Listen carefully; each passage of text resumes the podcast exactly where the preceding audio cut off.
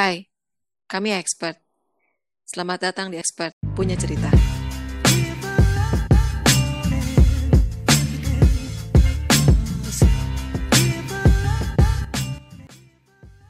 Assalamualaikum warahmatullahi wabarakatuh. Selamat malam teman-teman semuanya. Waalaikumsalam. Selamat malam. Malam warahmatullahi Kan wabarakatuh. harus Selamat malam. Ya, oke. Eh, selamat datang di podcast kita Podcast episode pertama. Pertama. Jadi ini adalah podcast yang ep- episode pertama.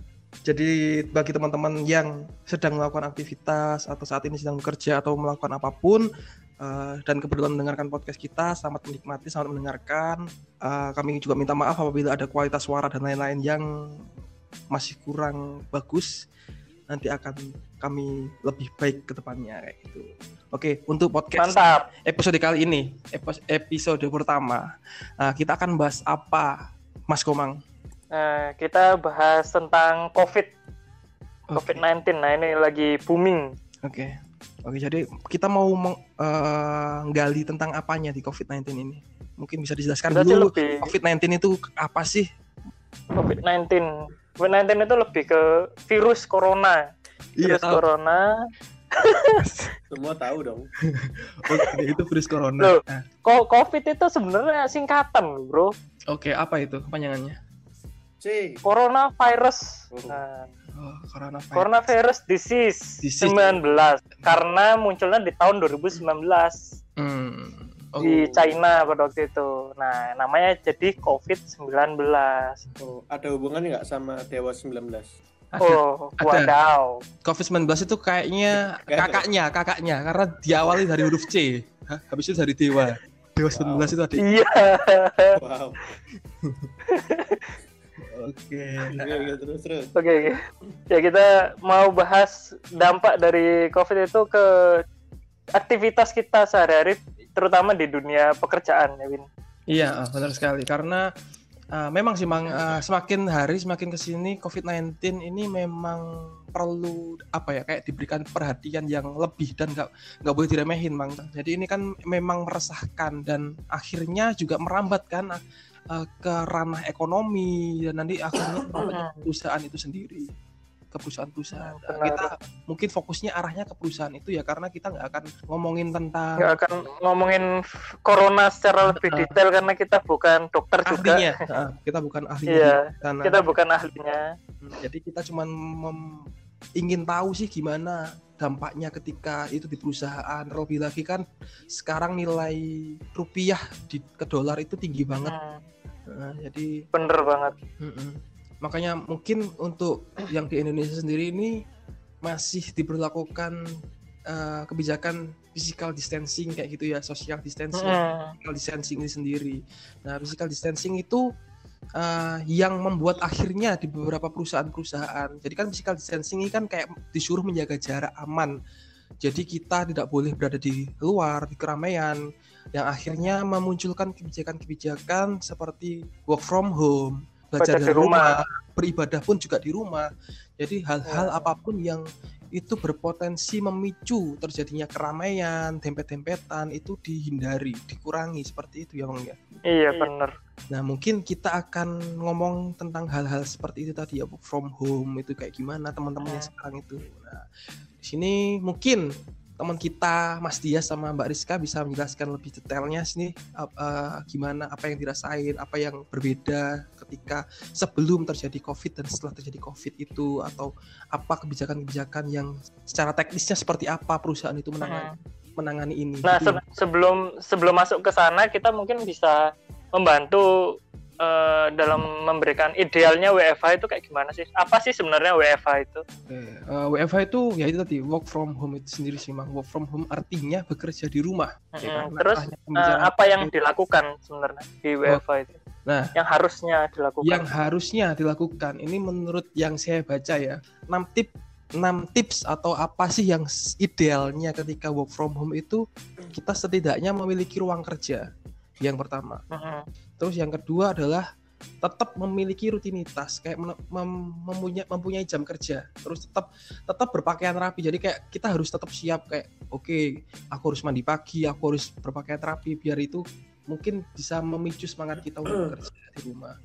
Terus eh, setelah itu mengenali tubuh, mengenali tubuh anda itu eh, kayak apakah kita sudah merasa nyaman kerja di tempat ini? Kalau enggak, kita harus melakukan seperti apa? Terus hindari dis- apa sesuatu yang bisa mendistrak kita. Contohnya disuruh ibunya beli bawang ke toko karena aku sendiri biasanya kayak gitu ketika aku ngerjain tugas tiba-tiba panggil disuruh beli bawang gitu beli ah itu kan distrak sekali Gitu. terus habis itu uh, sebisa mungkin melengkapi peralatan yang dibutuhkan mungkin kalau di sini ya nggak terlalu seperti itu ya di kantor Oke, nah ini baru kita tanya-tanya nih ke dia sama Rizka yang memang benar-benar sudah mengalami yang namanya WFH di pekerjaannya. Hmm. Nah kalau di dia sendiri mungkin bisa diceritakan ya gimana pengalamanmu di kantormu yang memberlakukan WFH. Hmm, Oke, kalau di kantorku ya Hmm. eh, rebahan aja sih biasanya mungkin ya Anjir. rebahan aja. Terus di sana disediain kasur ya, kayak Itu kantor atau hotel, UKS, kalau Jur? Tempatku work from hotel. hmm. hmm. Uh, Enggak, enggak. Jadi, wow. kalau di kantorku itu eh, ini mungkin eh, boleh intermezzo sedikit ya. Eh, Ya, oke. Kenapa di tempatku pada akhirnya tuh kita WFH. Hmm. Ntar batuk. gitu. Eh, di kantorku itu eh, memang responnya tidak secepat eh, beberapa kantor atau perusahaan lainnya eh, yang tentang soal WFA ya. Jadi kita lihat dulu kondisi di Surabaya sih. eh, jadi memang kantorku ini kan eh, dia sifatnya itu ka- karena dia kantor cabang, jadi keputusan itu ada di area. Jadi tidak eh, soal COVID-19 ini atau corona ini respon yang di uh, munculkan sama perusahaan ini sifatnya adalah keputusan area. Jadi lihat uh, nggak langsung begitu di Jakarta kita udah rame terus kita ambil keputusan WFA nggak. Jadi uh, manajer tiap-tiap area yang ambil keputusan. Nah begitu Surabaya udah dinyatakan red zone itu jadi uh, jadi topik yang urgent sekali dibahas di kantorku. Jadi di kantorku itu dia uh, lihat pegawai ini memang tidak bisa terus-menerus kita uh, suruh masuk untuk kerja ya. Terutama kan kalau kita kayak di tempatku kan bisa dibilang kan distributor retail itu kan pasti kan kerjaannya di toko ya pegawai-pegawai kita banyak di toko. Hmm. Di toko uh, yang berhubungan sama pusat keramaian jadi hmm, resikonya cukup tinggi ketika dibandingkan teman-teman yang bekerja di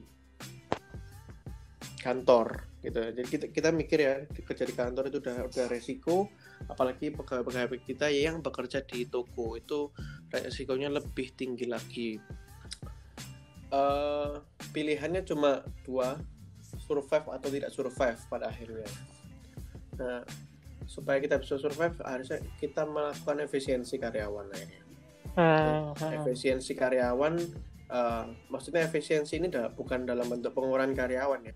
Tapi yang kita lakukan adalah eh, dari segi pendapatannya. Kita pangkas banget kita efisienkan banget pengeluaran kita untuk eh, pendapatan mereka. Ini mau nggak mau memang harus dilakukan. Daripada kita jor-joran tetap seperti biasanya eh, ber- eh, berlagak seperti tidak ada apa-apa gitu ya. Tapi pada akhirnya kita eh, bulan-bulan ke depan malah hancur ya yang yang tidak kita inginkan akhirnya kita pengurangan gaji dan lain-lain. Termasuk salah satu cara yang eh, kita lakukan itu adalah WFH Hmm. WFH ini perhitungannya beda juga. Efeknya dari gaji ini uh, munculnya pakai WFH jadi kayak uh, pendapatan yang kita dapatkan ketika kita WFH itu sekian ketika kita tidak WFH itu sekian. Kalau di kantorku dia sifatnya satu hari masuk satu hari uh, kerja di kantor. Satu hari di kantor, satu hari di rumah gitu. ya betul. Satu hari di kantor satu hari di rumah. Ini perhitungannya beda banget. Beda banget.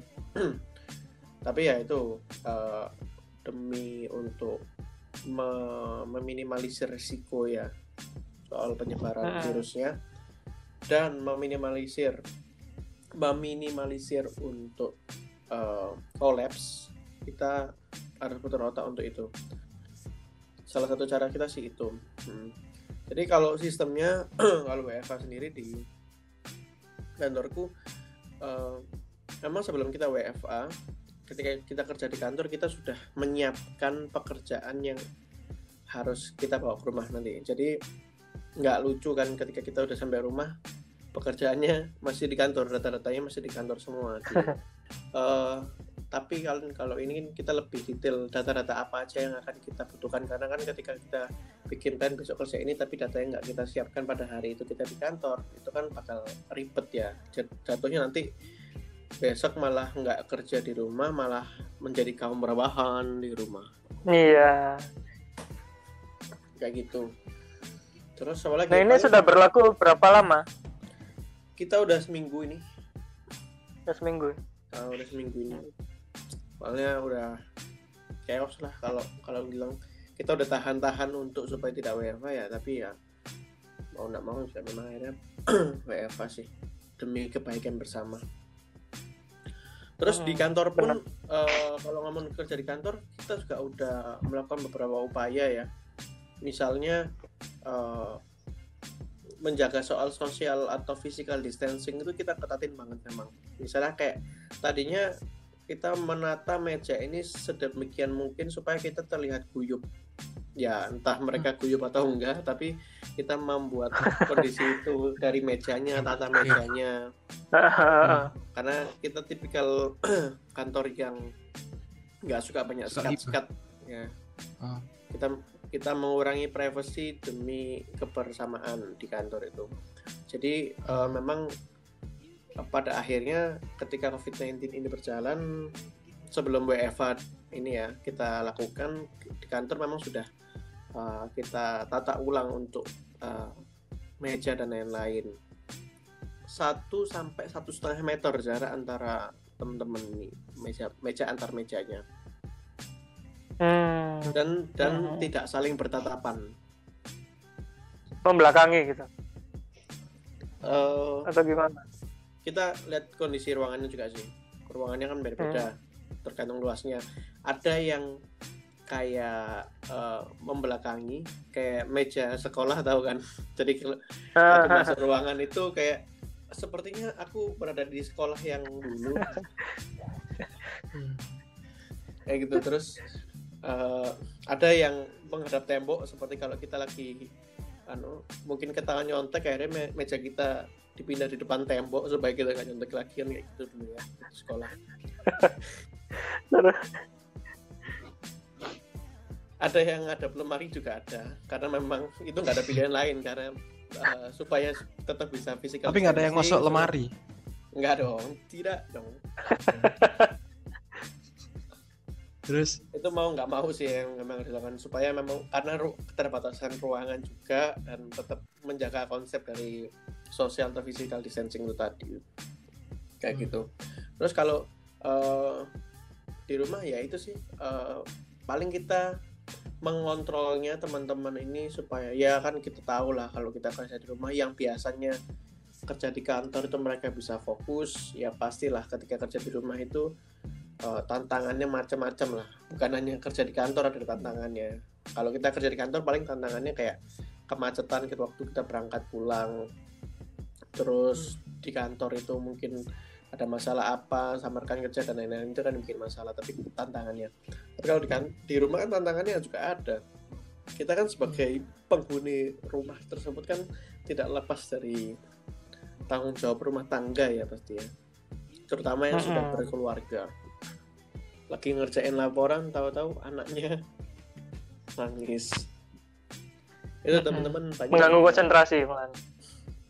pasti pasti pasti itu kalau saya juga Nah. kebetulan saya ini masih Ah. masih uh, belum berkeluarga ya terus terus. gitu ya paling uh, dari para atasannya yang memang uh, harus punya kontrol yang lebih intens gitu loh maksudnya peran peran atasan itu penting banget di sini. Pemantauan progres pekerjaannya. Supaya WFH itu tidak menjadi alasan teman-teman untuk memperlambat kinerjanya. Ya walaupun tetap uh, atasan juga harus ini ya pengertian dengan kondisi kerja di rumah. Karena mereka pun pasti ngalamin kayak gitu uh, tantangannya. Gitu sih uh. Oke oke. Ah, jadi uh, memang dampaknya gede banget dan uh, ketika COVID ini datang, ya apa kayak nggak mau untuk mem-PHK atau mengeluarkan beberapa teman-teman yang di sana. Ya gimana pun caranya itu tetap harus semuanya masih tetap digandeng bareng-bareng gitu ya. Mhm. Nah, terus untuk ini apa tadi kan Mas eh, Dias juga bilang kalau di rumah juga di rumah dan di kantor itu kan sama-sama punya gangguan kan, mengganggu konsentrasi. Yup.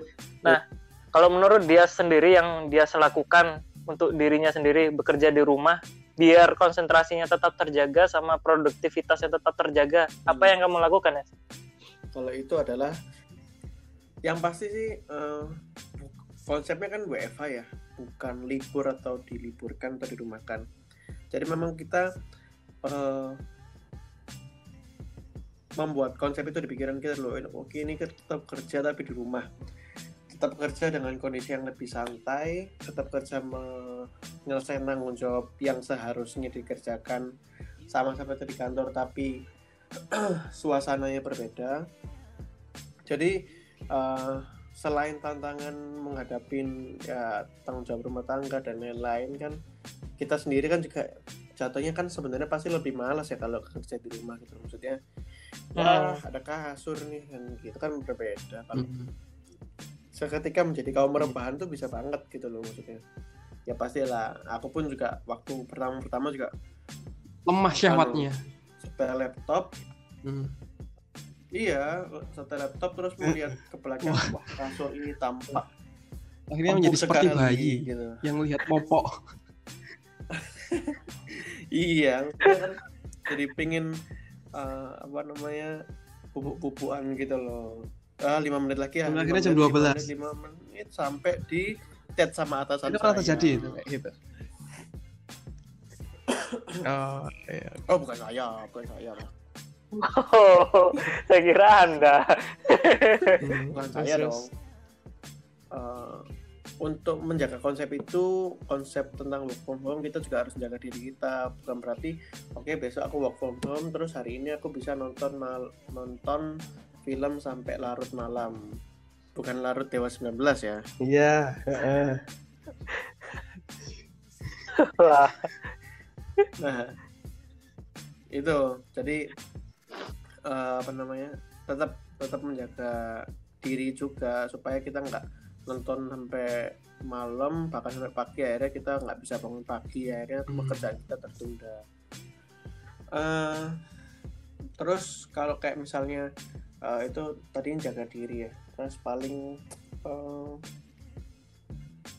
buat temen-temen yang memang suasana kantornya itu nyantai banget nggak yang kaku gitu ya itu mungkin penyesuaiannya tidak lebih sulit ketika dari teman-teman rumah itu ya. eh, dari ka- yang perusahaannya atau suasana kantor itu kaku banget.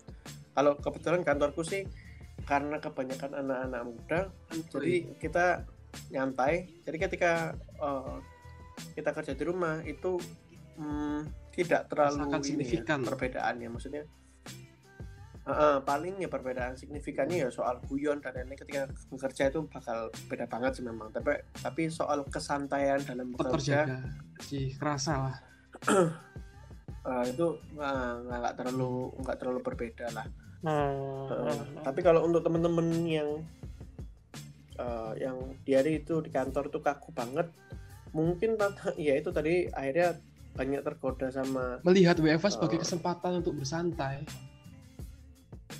ah ah, kayak gitu betul banget. Jatuhnya kayak Eh, mumpung Ah, lah, istirahat dulu lah nanti gitu lagi ya. nanti lagi. Kayak gitu loh. Hmm, jadi kan karena diawasi. terbiasa di kantornya kan street gitu ya. Mm-mm. kayak gitu. Terus paling ini sih kalau di rumah lebih ke manajemen time-nya. Soal kita ya pastilah kita nggak mungkin juga kalau kita di rumah terus ngelihat uh, mungkin orang tuanya kerja kita nggak bantuin. Misalnya contoh lah nyiapin makan lah ya. Nyiapin makan. Uh, kita bisa ini sebenarnya yang kita nyiapin makan tapi kita lagi kerja nah kayak gitu itu mungkin kita bisa atur atur waktunya lah. Misal yang pasti sih dengan tidak menunda pekerjaan itu udah pasti banget. Soalnya tahu-tahu misalnya ya itu dari kayak kamu cerita kamu di suruh beli bawang sama ibumu kan tahu-tahu aja seketika kan sebenarnya. Iya benar. Ya nggak nggak nggak mungkin kan? Win beli bawang ya. Uh, setengah jam lagi. Nah mungkin dong. Selak, selak kosong masakan nah nggak mungkin makanya makanya kan itu tiba-tiba aja. Jadi berusaha se bisa mungkin sebaik mungkin untuk tidak menunda pekerjaan. Karena hmm. menunda pekerjaan itu nanti ketid ketidakselesaian yang tertunda. Hmm. Cukup mudah dipahami. Oh, tidak lucu ya. Cukup mudah dipahami. bisa bersari ya ini. Dari tadi saya melihat logo bersari. Bisa cancel. Nah terus selain untuk tidak menunda pekerjaan sih uh, paling ya ini yang teman-teman ini kalau aku dapat cerita dari teman-teman sih paling sulit sih uh, hmm. yang sudah punya anak ya. Yang sudah punya anak yang uh, kayaknya lagi fokus kerja banget terus tahu-tahu anaknya nangis pengen nenen wah. Sama bapaknya dulu tidak karena bapaknya tidak punya nenen walaupun punya tidak berisi. Nah itu ya itu kan itu kan kasihan sih juga. Kan, kalau kamu tahu sendiri itu kasihan. Maksudnya dalam artian sebagai ibu pasti waduh aku ini bisa sebenarnya uh, kasih keinginan nenek anakku tapi sementara ini karena aku ngadapin pekerjaan yang harus selesai sesegera lama lagi itu harus selesai. Dengan waktu hmm. uh -uh. dalam waktu dekat harus selesai kan? Kita nggak mungkin untuk tidak menenek nenenin sambil kerja gitu loh. Ya kecuali teman-teman yang punya multitasking yang sangat bagus itu mungkin bisa bisa ada temanku yang mereka memang bisa melakukan itu gitu loh. Di depan laptop nenenin anaknya ini anu ya maksudnya pengalaman teman sendiri memang mereka bisa melakukan hal itu tapi tidak banyak orang yang bisa melakukan itu. Okay. kayak gitu. Nah kalau kayak gitu ya solusinya ya mungkin dua ya solusinya dua. Kayak kamu ya harus apa ya ibaratnya dalam tanda kutip tega sama anakmu untuk tidak nenenin dulu. Nanti kamu tapi kamu selesaiin pekerjaan itu hmm. secepat mungkin. Terus setelah itu kamu bisa nenenin anakmu. Atau ya itu menuntut kamu akhirnya punya kemampuan baru multitasking. Sambil nenenin anak sambil kerja juga di depan laptop. Kayak gitu sih. Kalau aku sendiri kan ya kebetulan masih ini ya. Bujang dan ganteng apa namanya Joko ya masih masih lajang ini. Itu jadi dan dan ganteng sih memang itu. Satu yang yeah. jadi tantangannya tidak terlalu banyak paling ya itu tadi. Tahu-tahu mas Waduh. angkatin jemuran. Mas turunin jemuran. Nah itu cuci piring. Nah, nah kalau kalau di pekerjaanku repotnya itu tahu-tahu kita kan lagi aku kan sekarang ini uh, in, kalau interview pelamar itu kan hmm. pakai zoom ya. Nah tapi kalau interview pakai zoom aku selalu pakai headset. Karena apa? Tahu-tahu ibuku nyuruh aku ambil jemuran? uh, jemuran. Kalau aku nggak pakai headset itu pasti kedengeran dong sama pelamar kan nggak lucu gitu loh tahu-tahu kita kan uh, apa motivasi kerja kamu gitu. Motivasi saya mas tolong ambilin jemuran. Ah, apa mas? Apa pak? Gitu kan nggak mungkin dia mau jawab habis itu tanya soal yeah, iya. jemuran gitu. Kan oke. Nah itu makanya aku antisipatif dengan ketika aku interview interview orang via zoom aku pakai headset. Terus uh, ya sama sih kayak kerja eh, kalau interview biasa kita juga punya batasan waktu uh, paling pastikan kalau di kayak uh, ini semua jabatan sih rasanya ya. Pastikan koneksi internet itu tidak terganggu. Karena ya hello zaman sekarang gitu loh maksudnya internet lemot itu nggak nggak bagus lah. Kacau lah maksudnya ya ini kita kerja WFH memang kita dituntut untuk menyediakan internet gitu loh bukan berarti terus kamu harus ke warnet ya enggak. Hmm, kan bisa lewat tethering dari HP-mu dan lain-lain. Untuk kirim-kirim laporan apalagi yang berhubungan sama admin-admin itu kan mereka hubungannya sama ini ya apa namanya sistem gitu loh. Sistem itu kan butuh internet yang kuat lah. Terus kalau hmm. teman-teman di area yang jualan langsung uh, ya itu tadi ini kalau aku sih melihatnya bukan soal has, bukan soal hasil ya tapi usaha yang kita lakukan. Uh, paling kalau ya sebagai atasan pasti pemantauannya soal progresnya apa yang kamu lakukan ketika kamu WFH kayak misalnya kita di, uh, untuk menjualkan unitnya pasti kita kan via online ya harus uh, harus apa namanya pintar-pintar lah kreatif untuk jualan secara online. Entah itu meningkatkan dengan uh, memberikan uh, free delivery uh, ongkir yang kita kirim ya ongkir dikit tapi kalau kita achieve itu kan oke okay lah gitu masih masih ketutup lah sama insentifnya. Jadi harus kreatif kreatif bener sih kalau WFA itu.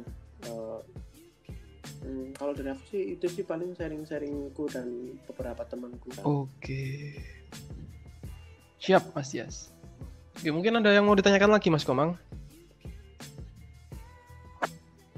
Ya sudah sih kalau kalau kayak gitu. Berarti itu beberapa tips tetap produktif selama WFH versinya Mas Dias jadi bukan versi yang diberlakukan di kantornya. Apa? Bukan versi on the speed on the spot re oh, anda kebanyakan nonton film oh, iya. saya beberapa ah, banyak mengulang film-film yang dulu pernah uh, saya tonton gitu loh soalnya oh. kalau menonton film okay. baru itu ah menonton film baru itu nggak seru tahu-tahu ini kan kita nonton film ada waktu luang ya kita nonton film belum selesai ceritanya kita udah wah ada kerjaan baru lagi jatuhnya kayak aduh penasaran oh, iya, kepikiran iya. kayak gitu gitu loh jadi jadi jadi lebih aku sih milihnya anu kalau ada butuh hiburan nonton film yang udah pernah kita nonton film tapi masih seru kita tonton tapi ketika kita terhalang misalnya harus ngerjain apa tahu-tahu gitu ya atau harus ngerjain pokoknya penting lah itu kita bisa tinggal kan film itu tanpa tinggal. ada rasa iya, iya. penasaran gitu. Iya.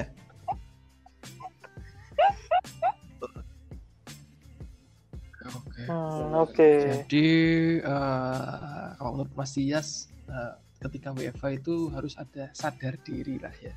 Sadar diri bahwa yang bahwa pertama kita sedang bekerja dan bukan berlibur. Terus kemudian dilanjutkan dengan time managementnya harus uh, bagus.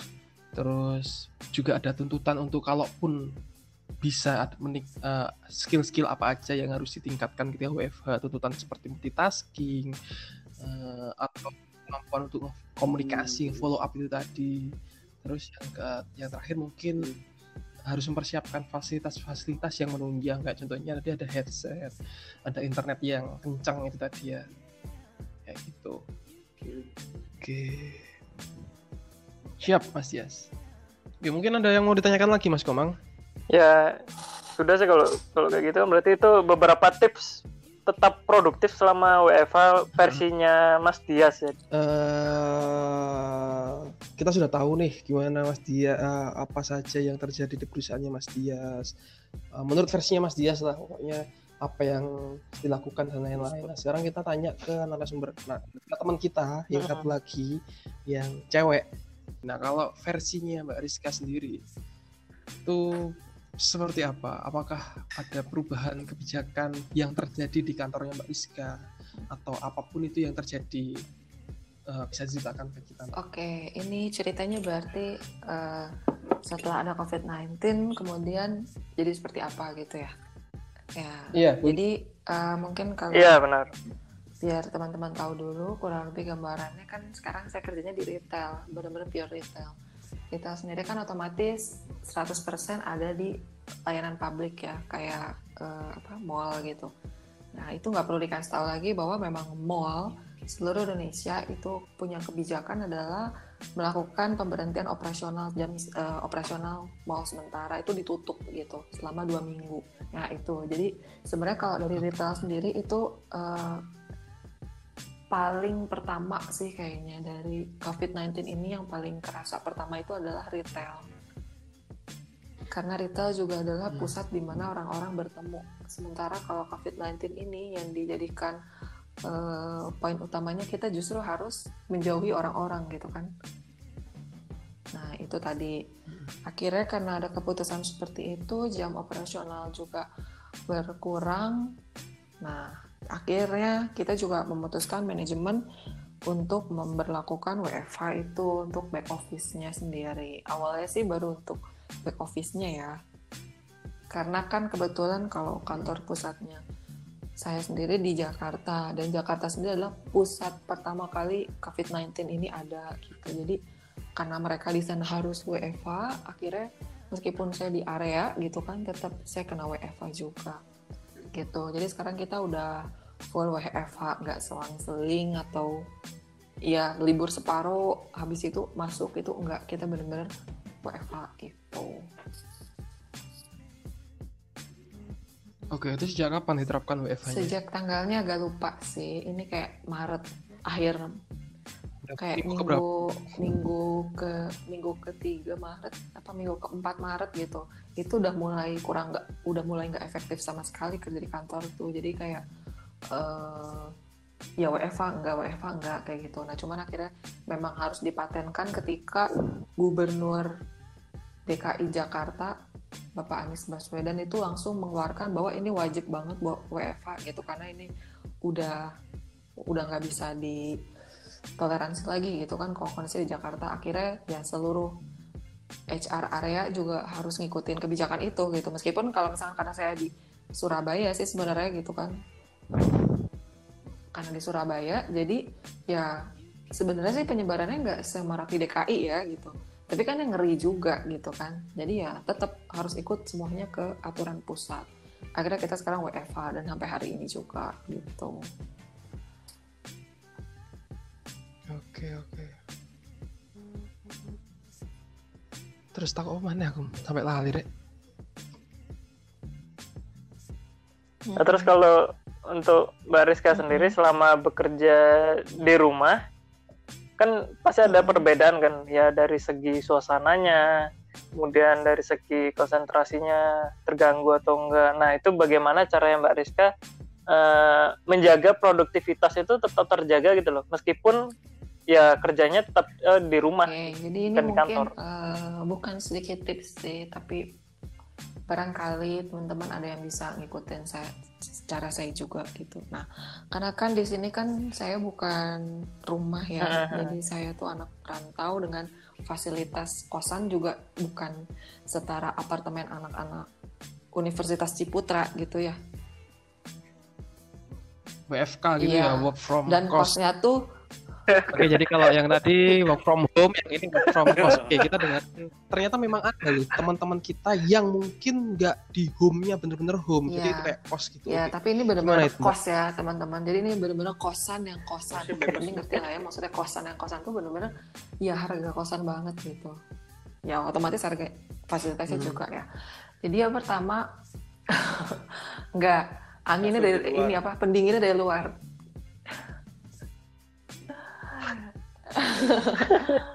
Gak lucu ya? Oke, gak apa-apa. Oke, apa sih tadi pertanyaan sampai Terus. lupa? Ya gimana biar oh, produktif? Iya, iya. Gimana cara ya, produktif? Karena Mbak Rizky ini kan nggak mm -hmm. work from home ya, tapi mm -hmm. work from cost mungkin ya apa ketika cost itu bekerja di kos dengan kondisi seperti ini, dengan kondisi ekonomi dan lain-lainnya. Iya, mungkin kalau bedanya sama di rumah, di rumah kan pasti ketemu ketemu keluarga ya. Jadi pasti banyak tuh urusan-urusan yang aduh, hmm. pasti si mamah nyuruh ini, pasti ini itu dan sebagainya gitu. Nah, kalau di kos sendiri hmm. mungkin untuk tetap menjaga produktivitasnya adalah yang pertama uh, semenjak ada WFH atau work from office gitu ya. Saya selalu kayak kayak gini loh contohnya. Misalkan hari ini kerja ya ya udah kayak bangun pagi tuh kayak aku mau pergi kerja aja gitu. Padahal aku tuh di kos nggak ke mana-mana. Cuman aku tetap kayak bangun pagi aku tetap melakukan aktivitas-aktivitas kalau aku kayak mau pergi kerja gitu. Jadi aku kayak udah punya timing oke aku kan nanti uh, aku absen juga pakai dingtok kan gitu kan. Karena mungkin sama-sama China kan kita. Sama-sama pakai dingtok gitu. Ya Iya, kayaknya kita kamu ya ampun, jangan-jangan.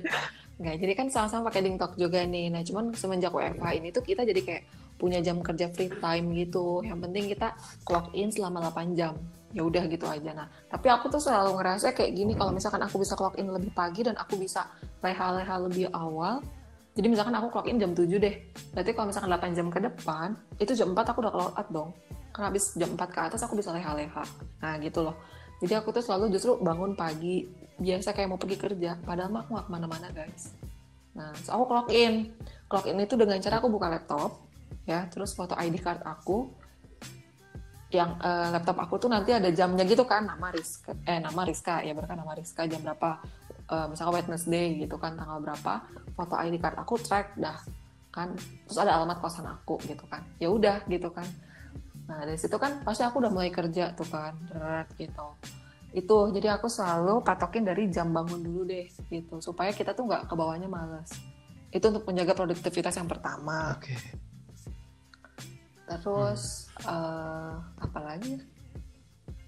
Butuh tips apa lagi nih? Oh iya, selain bangun pagi, apa apa? Iya, kita cuman tahu oke okay, bangun pagi. Ah, oh, sudah absen okay. oh iya iya iya uh.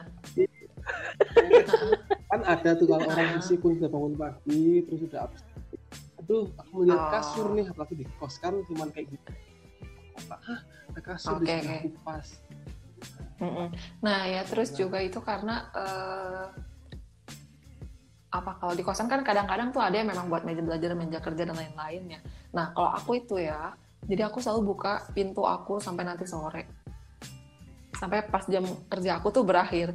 Ya biar berasa kalau aku tuh memang lagi kerja. Tujuannya apa tuh? Jadi kan kayak misalkan aku buka pintu gitu kan terus ada orang-orang lewat gitu kan rasanya oh. malu ya kalau aku kayak melakukan aktivitas kayak nggak dilihat orang-orang gitu loh. Jadi kan kalau ada yang ngeliatin gitu melihat ke arah kamar aku gitu kan oh emang lagi kerja oh memang lagi kerja gitu. Dan kadang-kadang aku tuh kayak sengaja memang duduk di ruang makan atau di ruang uh, ya buat santai gitu kan ada di kosan. Ya udah duduk situ aja seharian buka laptop gitu itu buat produktif Oh, berarti mengubah setting iya, kurang lebih jadi sih setting kantor gitu. banget gitu biar kayak kantor padahal mah hmm. ya tetap aja kosan. Gitu. Terus apa lagi? Oh, apa ya? Oh, ini mungkin. Nah, terus juga karena WFA-nya kita juga udah lama ya. Dan saya juga terbiasa kerja yang jauh dari atasan karena saya di sini pemain tunggal teman-teman. Saya pemain tunggal tapi uh, tugas dan tanggung jawab saya sungguh sangat besar sekali gitu di Jawa Timur ini. Caranya adalah uh, kalau aku sebenarnya nggak cuma WFA aja sih. Cuma pas WFA ini benar-benar diterapin jadinya. Jadi uh, pimpinan di pusat sana itu selalu minta kita buat report ada grup besar gitu itu udah ada yang sampai yang punyanya. Kantor juga ada di situ. Buat report hari ini kita kerja apa dan itu udah selesai atau belum? Progresnya ada di mana? Seperti itu. Hmm. ya. Itu tuh tiap hari harus update itu. Kebayang nggak sih kalau kita nulis hal yang sama? Gitu. Pakai logika gitu kayak mikir masa sih lu ngerjain ini 8 jam gak kelar-kelar? Gitu kan. Nah gitu. Jadi aku tuh di tiap minggu jadi kalau di kantorku tuh e, diminta kita tuh bikin job desk sendiri selama WFH kenapa kita dikasih kesempatan buat bikin job sendiri karena yang tahu load kerja waktu kan lo sendiri gitu kan yang tahu kondisi eh, kita akan mengerjakan dalam waktu berapa jam itu juga kita sendiri gitu nah kalau aku cara misalnya adalah aku selalu bagi dalam tiga kelas gitu.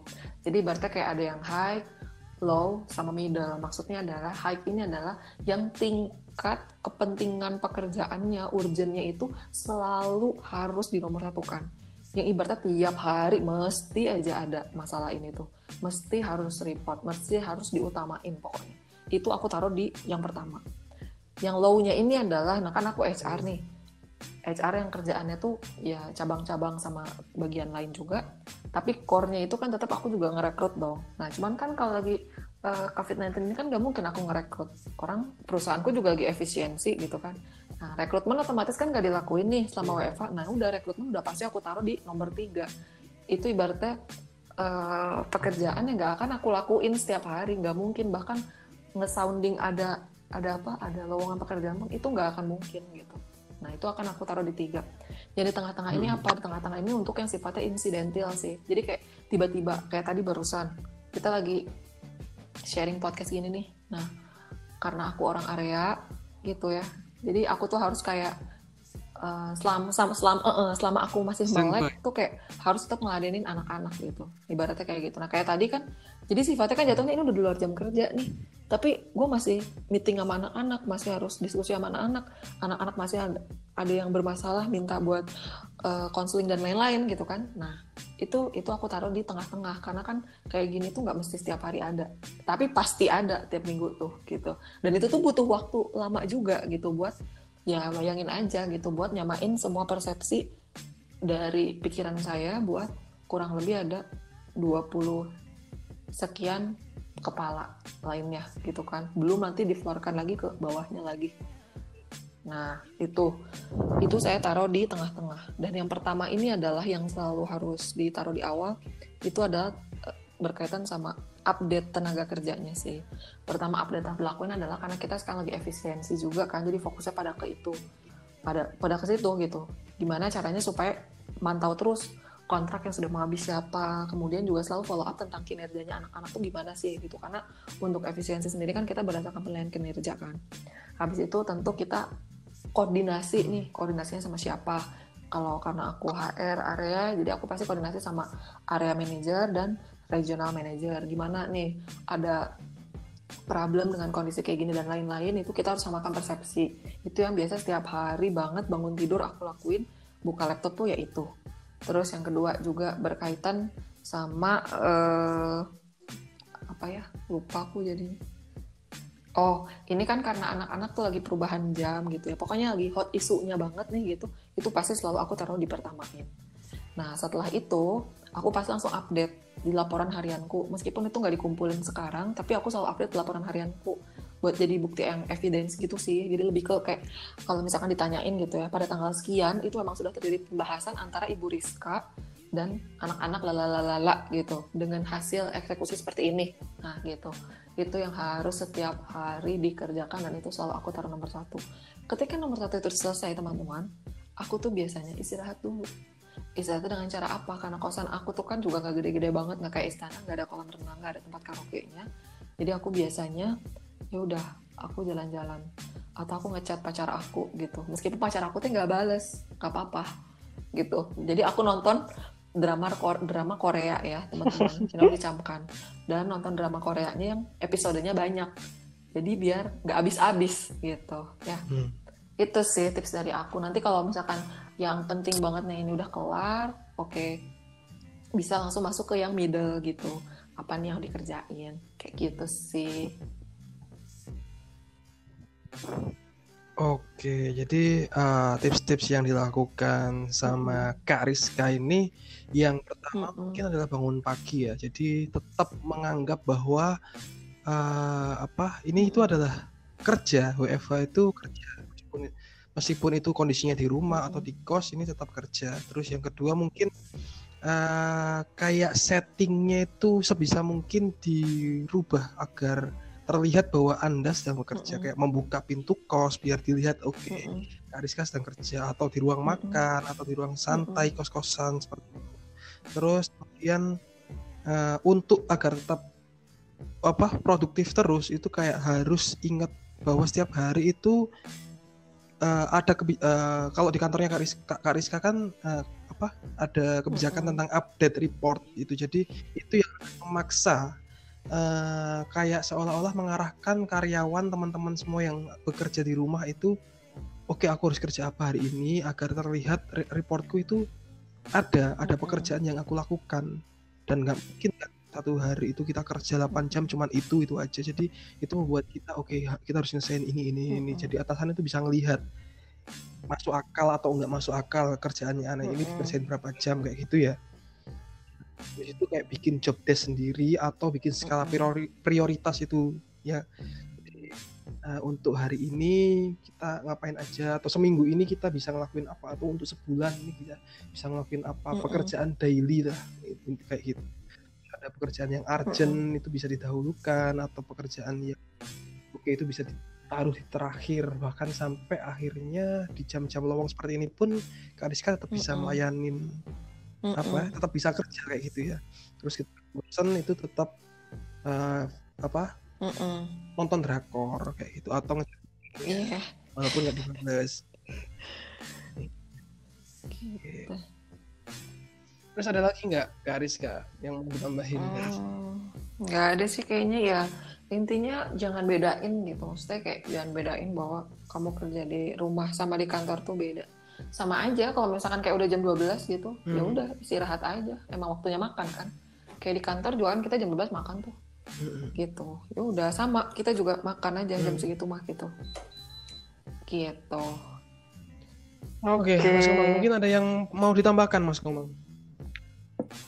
Ya inti dari perbincangan kita hari ini. WFA ini sebenarnya kembali lagi ke mindset personalnya, dirubah mindsetnya berarti bukan WFA itu bukan ajang untuk berlibur juga, tapi ya tetap kerja. Hmm. Jadi pengaruhnya ke produktif juga sih yeah. sebenarnya.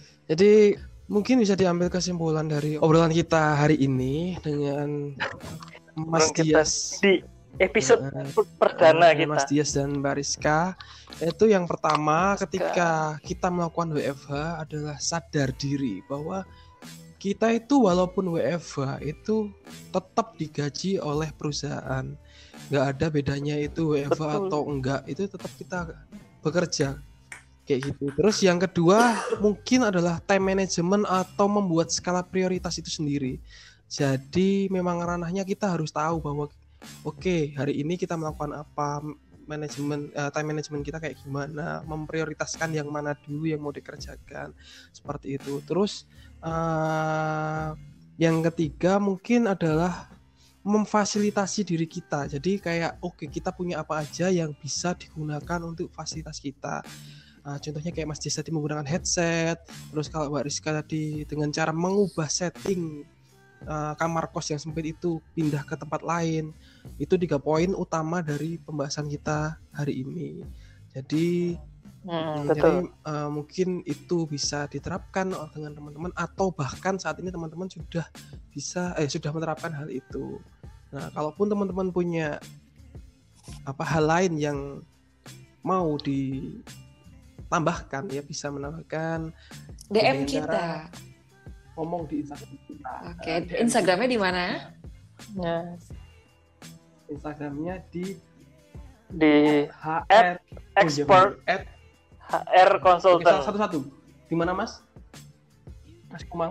Di at expert HR consultant. Okay. At spellingnya mana? Eko. Sakso. Pero, Endo, Rano, Teno, HR biasa, terus kau Hari Riono. Gak bisa ya. lucu lucu jadinya kalau kayak gini. Oh, bahasa Inggris. Ada Hari sama Riono soalnya. Oke, jadi jadi di IG kita at HR consult uh, at expert HR consultant atau expert HR consultant di email. Oh iya. Yeah admn dot expert expert at gmail.com gmail.com jadi mungkin kalau teman-teman ada yang mau nanya-nanya tentang apa pun bisa DM atau email Oke. Okay? Kasih. Yuk semuanya selamat beristirahat, selamat beraktivitas kalau yang yang mau aktivitas, selamat beristirahat kalau yang mau istirahat. Happy weekend. Selamat weekend. Tapi tetap di rumah aja. Happy weekend. See you next time. Bye bye.